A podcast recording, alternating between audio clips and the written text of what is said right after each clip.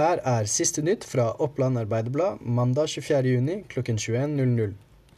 En hardt skadet MC-fører er flydd til Ullevål sykehus etter en ulykke kl 16.29 på fylkesvei 246 ved Bøverbru.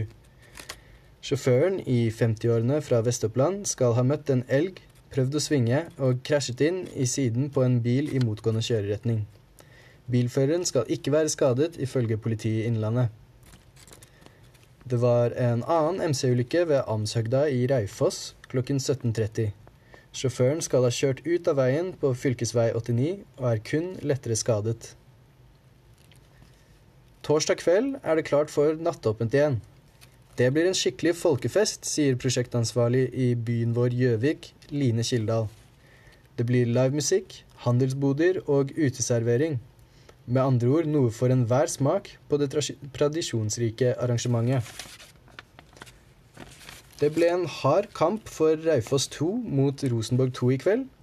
Totningene måtte til slutt forlate Nammo stadion med skuffede fans etter å ha tapt 4-1 mot trønderne. Høydepunktene kan du se på OA-TV.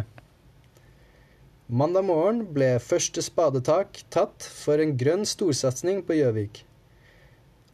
Arbeidet på den nye næringsparken til BioSP ble startet av Per Rognerud fra Gjøvik kommune og fylkesordfører Even Alexander Haugen.